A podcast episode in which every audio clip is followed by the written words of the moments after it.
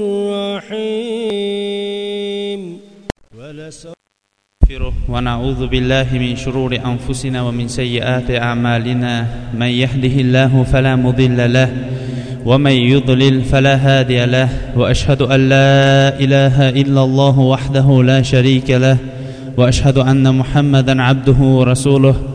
ثم عما بعد السلام عليكم ورحمة الله وبركاته.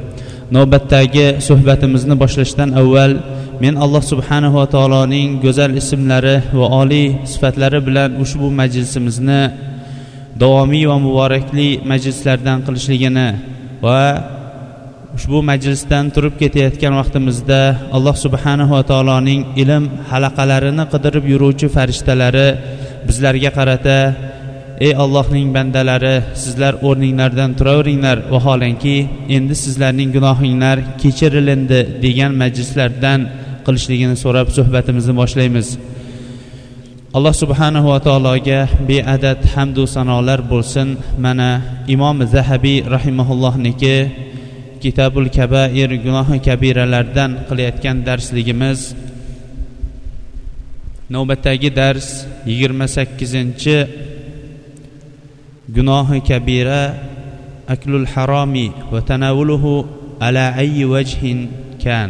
Ya'ni yigirma sakkizinchi gunohi kabira bu kishining tartibi bo'yicha haromdan tanovul qilishlik va qaysi yo'l bilan bo'lsa ham olib kelayotgan rizqni so'rab o'tirmasdan qaysi yo'l bilan bo'lsa ham topishlik bobiga kelib to'xtagan edik.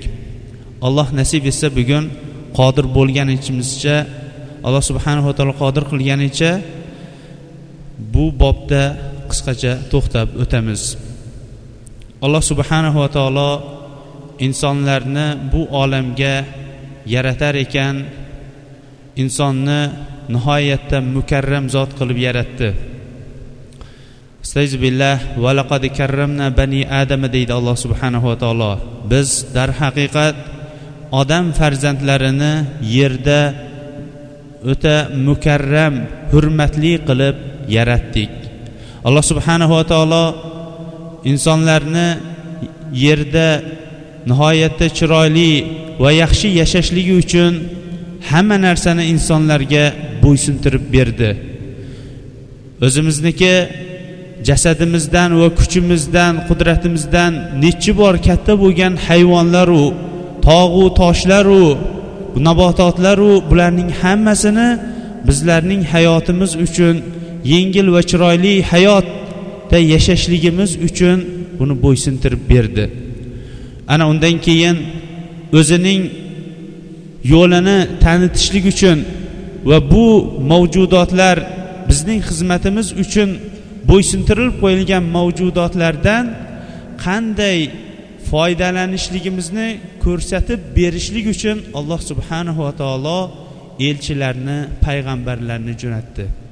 Bu payg'ambarlar ham olib kelgan yo'l ayni insonning asl g'arizasiga tabiatiga munosib bo'lgan yo'l edi. Lekin ming afsuslar bo'lsinki inson o'zining tabiatidagi bu g'arizani buzib turib boshqa bir g'arizalarga boshqa bir yo'llarga intilishligi bu haqiqatdan ham achinarli va afsusli ishlardan bittasidir.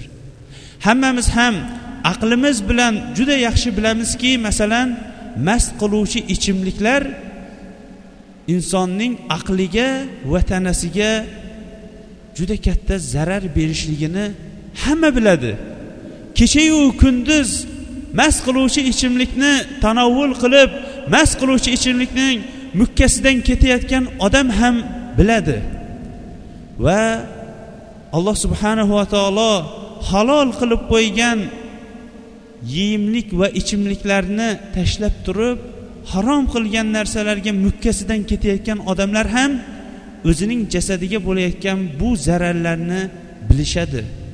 Va bilishadiki bu bilan alloh subhanahu va taolo rozi bo'lmasligini va bu qilayotgan amallari olloh tomonidan yuborilgan payg'ambarlarning yo'llanmasi ekanligini ular aqllari bilan agarchi zohiran o'zlari tillari bilan bayon qilib aytolmasalar ham lekin ichlarida aqllari bilan nihoyatda yaxshi bilishadi. Shuning uchun ham inson mana shunday zalum va jahul qachon ollohning yo'liga shariatiga ergashmas ekan johil va zolim bo'lganicha qolib ketaveradi. Ha alloh subhanahu va taolo hali biz tepada aytganimizdaqa bu koinot va koinotdagi narsalarning hammasini insonlarning nihoyatda chiroyli va yaxshi yashashligi uchun qulay qilib yaratib qo'ygan edi. Lekin ming afsuslarki bu yaratib qo'yilgan narsalarni olloh subhanahu va taolo ko'rsatib bergan yo'l bilan emas balki o'zlarining nafsu havolari ko'rsatib bergan yo'l bilan tanovvul qilishga insonlar ko'proq harakat qilishadi. Payg'ambarimiz alayhissalom shu o'rinda aytganlarki jannat nihoyatda mashaqqatli narsalar bilan o'ralindi.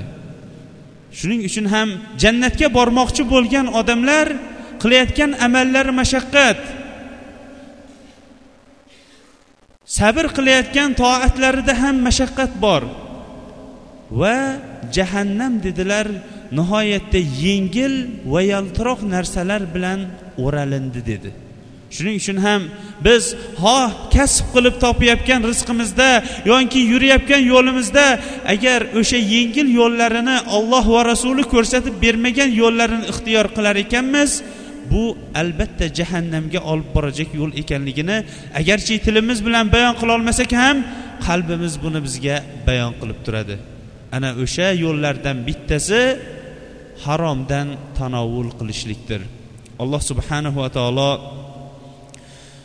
bizlarga tanovul qilishlik yo'lini qaysi yo'l bilan tanovul qilishligimizni ommatan bir qoida berib shunday deydi. Billah. ولا تأكلوا أموالكم bil baynakum bil botil sizlar o'zaro oranglarda mollarni botil yo'llar bilan yemanglar.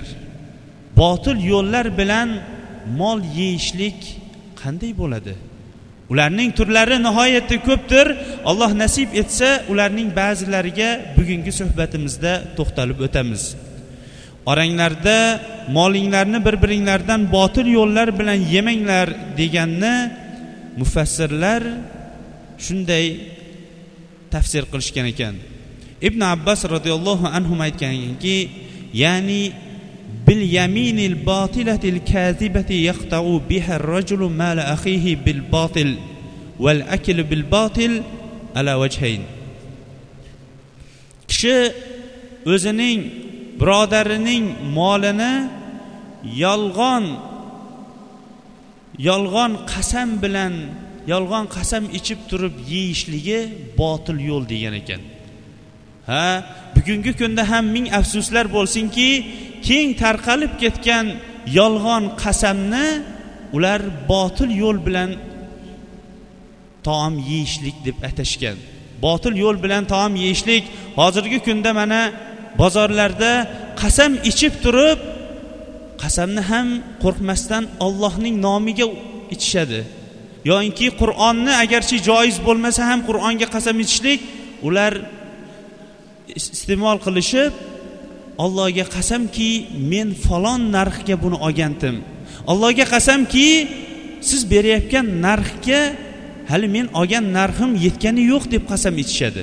Ibn abbos roziyallohu anhu aytgan ekanki yolg'on qasam bilan molini sotishlik insonlarning molini harom yo'l bilan tanovul qilish degan ekanlar.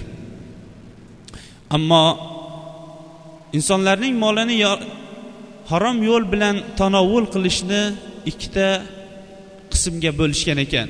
Birinchi qismi zulm tortib olishlik xiyonat va o'g'irlik yo'li bilan yeyishlik bo'ladigan bo'lsa ikkinchisi o'zini majburan agarchi moddiy ravishdan majbur qilmasa ham lekin ma'naviy ravishdan majburlab yeyishlik. U ham bo'lsa qumor va sutxo'rlik protsent bilan yeyish deb ular tafsirlashgan ekan.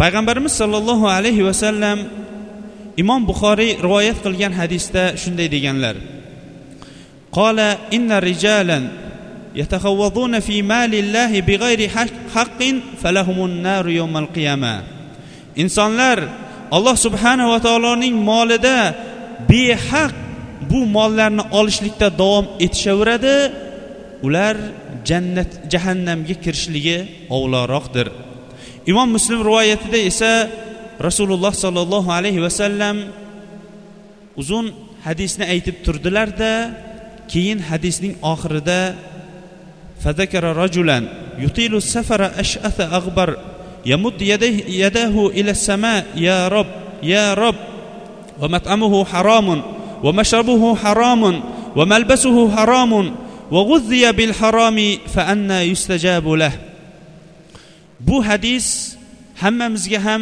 nihoyatda amal qilaman degan odamlarga bo'lib ham og'ir bo'lgan hadislardan bittasidir. Payg'ambarimiz sollallohu alayhi vasallam aytdiki safarda uzoq yurgan kishi bo'lib ham safarda uzoq yurishi u yoqda tursin soch soqollari changga botgan ustilari kirlagan. Endi robbisiga duo qilib qo'lini ochib yo rob yo rob deydi. Payg'ambarimiz sollallohu alayhi vasallam boshqa hadisda musofirning duosi ijobat bo'ladigan duolardan bittasi degan. Bo'lib ham mana bunday xorlangan holatda qilingan duolar va qo'lni ochib turib qilingan duoni alloh subhanahu va taolo hech narsa bermasdan qaytarishlikdan hayo qiladi deganlar. Lekin bu odam safarda soch soqoli to'zigan ustilari changga botgan qo'lini ko'tarib osmonga yo rab ey robbim ey robbim deb o'zining hojatini so'rayapti. Lekin hojati ijobat bo'lmayapti. Ha bugungi kunda ham juda ko'pchiligimiz shikoyat qilamizki so'rayapmiz farzandlarimizga so'rayapmiz ishlarimiz yurishmay qolganiga so'rayapmiz. Yoyinki boshqa boshqa boshimizga kelayotgan kulfat bankrot va shunga ish shunga o'xshagan ba'zi bir boshimizga tushgan ishlardan alloh subhanahu va taolodan so'rayapmiz. Lekin ijobat nimagadir kelmayapti. Vaholanki alloh subhanahu va taolo bizlarning o'zimizga bo'lgan nafsimizdan ko'ra alloh subhanahu va taolo bizlarga nisbatan rahmliroq zotdir. Xo'sh nima uchun ijobat kelmayapti? Buning javobini hadisning davomida aytadiki matamuhu haromin chunki bu kishi yegan narsalarining hammasi haromdan yerdi va mashrabuhu haromin ichgan narsalarning hammasi ham harom edi. Va malbasuhu haromin va kiygan narsalarning hammasi ham harom edi. Va g'uzziya bil haromi. Va haromdan oziqlangan edi. Haromdan oziqlanishlik qanaqa bo'ladi?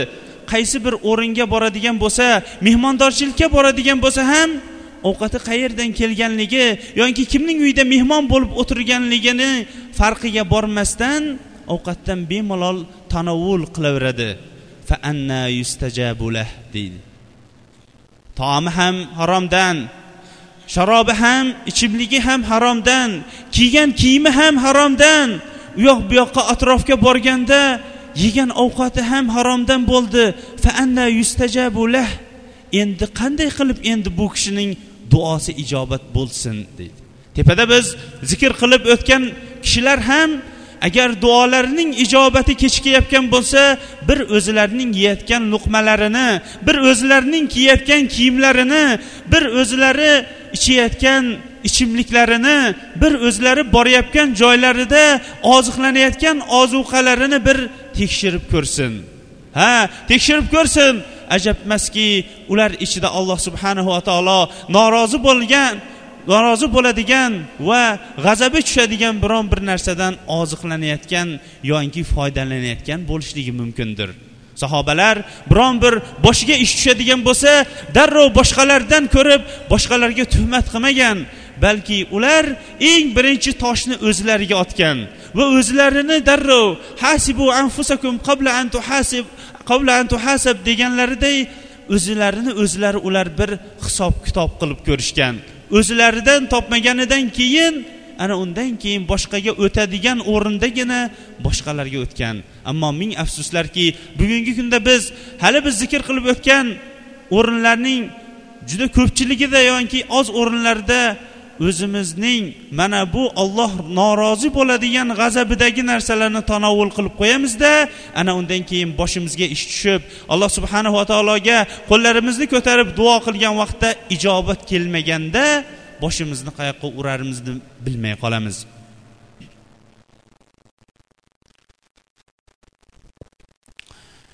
Bu ham bizning duolarimiz ijobat bo'lishligi kechiklayotganga bo'lsa payg'ambarimiz sollallohu alayhi vasallamdan rivoyat qilingan mana bu hadisda sad ibn abi vaqqos roziyallohu anhu aytadiki qultu ya rasululloh udulloha ay yaj'alani mustajabat da'vati faqala ya sad atib atib eh, kasbak tujib da'vatak men rasululloh sollallohu alayhi vasallamdan ey rasululloh meni doim ijobat bo'ladigan odamlardan qilishligini alloh subhanava taolo o'sha odamlardan qilishligini ollohdan so'rang dedim deydi. Ya'ni ular so'ragan narsa dunyo bo'lmagan balki dunyo va oxiratining saodatiga sabab bo'ladigan narsalar bo'lgandi duo ham ibodatdir. Lekin duoning yaxshilik ishlarda ijobat bo'lishligi ham bu nur ustiga nur bo'lgan amallardan bittasidir. Saad roziyallohu anhu ham rasululloh sollallohu alayhi vasallamdan dunyo so'raganlari yo'q balki dunyo va oxiratining saodatiga sabab bo'ladigan duosi ijobat bo'ladigan odamlardan qilishligini so'radi. Duo qilib qo'ydilar xolosmi yo'q payg'ambarimiz alayhissalom amalga buyurdilar. Hozirgi kunda ham juda ko'pchiligimiz kelib domlaga duo qilib qo'yishlikni so'raymizu o'zimiz duo qilmaymiz. Yoki o'zimizniki duoyimiz ijobat bo'ladigan amallarga qarab harakat qilmaymiz. Saad roziyallohu anhu nihoyatda katta sahobalardan edi. Shunda rasululloh sollallohu alayhi vasallam aytdilarki ey saad kasbingizni luqmangizni haloldan qiling. Ana o'shanda duoyingiz ijobat bo'ladi deydi. Roviy aytadiki boshqa lafzida qaysi bir luqmani og'zimga ko'taradigan bo'lsam bu kimdan va qayerdan kelganligini bilganimdan keyingina og'zimga soladigan bo'ldim deydi. Hatto sahobalar boshlariga nihoyatda katta g'am tushib qoladigan va nusrat talab qiladigan o'rinlarda sad roziyallohu anhudan duo qilishlikni sad roziyallohu anhudan duo talab qilar ekan. Keyin shu darajada sad roziyallohu anhu duosi qaytarilmaydigan darajadagi odamlarga aylandi. Hatto aytadiki bu kishini har kuni tahajjud namoziga kechqurungi namozga uyg'otadigan bitta xo'rozi bo'lgan ekan. Bir kuni nimagadir xo'roz kechqurun uyg'otmaganligi va qichqirmaganligi sababli saat tursalar namoz vaqti o'tib ketibdi. Bomdod emas tahajjud. Namoz vaqti o'tib ketganidan keyin e ovozing ovozing kesilgur devorganligi sababli xo'roz butunlay qichqirmaydigan bo'lib qolgan ekan. Shundan keyin ana endi bundan keyin biron bir kishiga qarshi duo qilmayman degan. Bu nimaning orqasida bo'ldi? Bu sad roziyallohu anhuniki yeyayotgan luqmasini tozalashlik va taqvosi sabablik bo'ldi.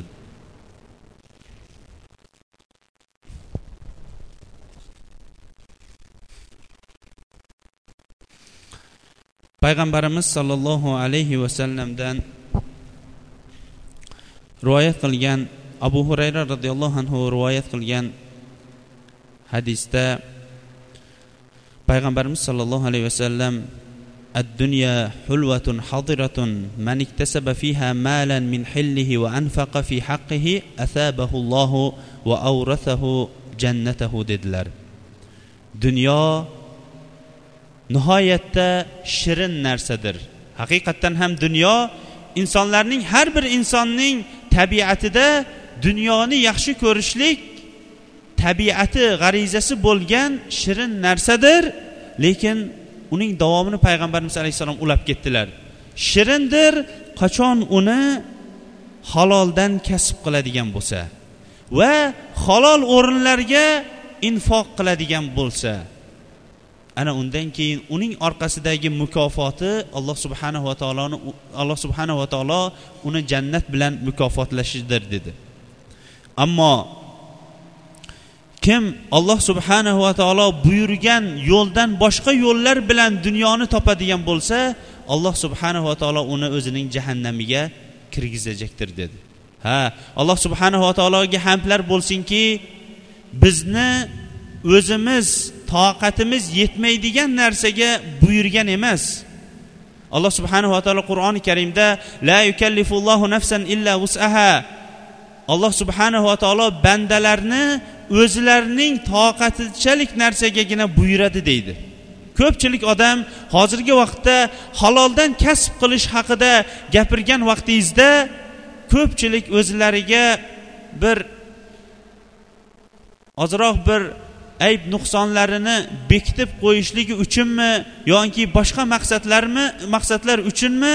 O'zlaridan ba'zi bir gaplarni gapirib aytishadiki hozirgi vaqtcha shunday qiyin bo'lib qoldida.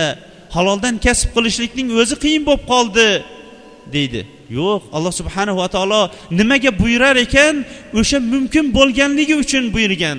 Agar mumkin bo'lmaganida edi uni buyurmagan bo'lardi. Ha alloh subhanahu va taologa ming hamdlar bo'lsinki bugungi kunda ham va ertangi kunda ham to qiyomatgacha biz bilamizki kasblarni haloldan qilib kasblarni yig'sa bo'ladi.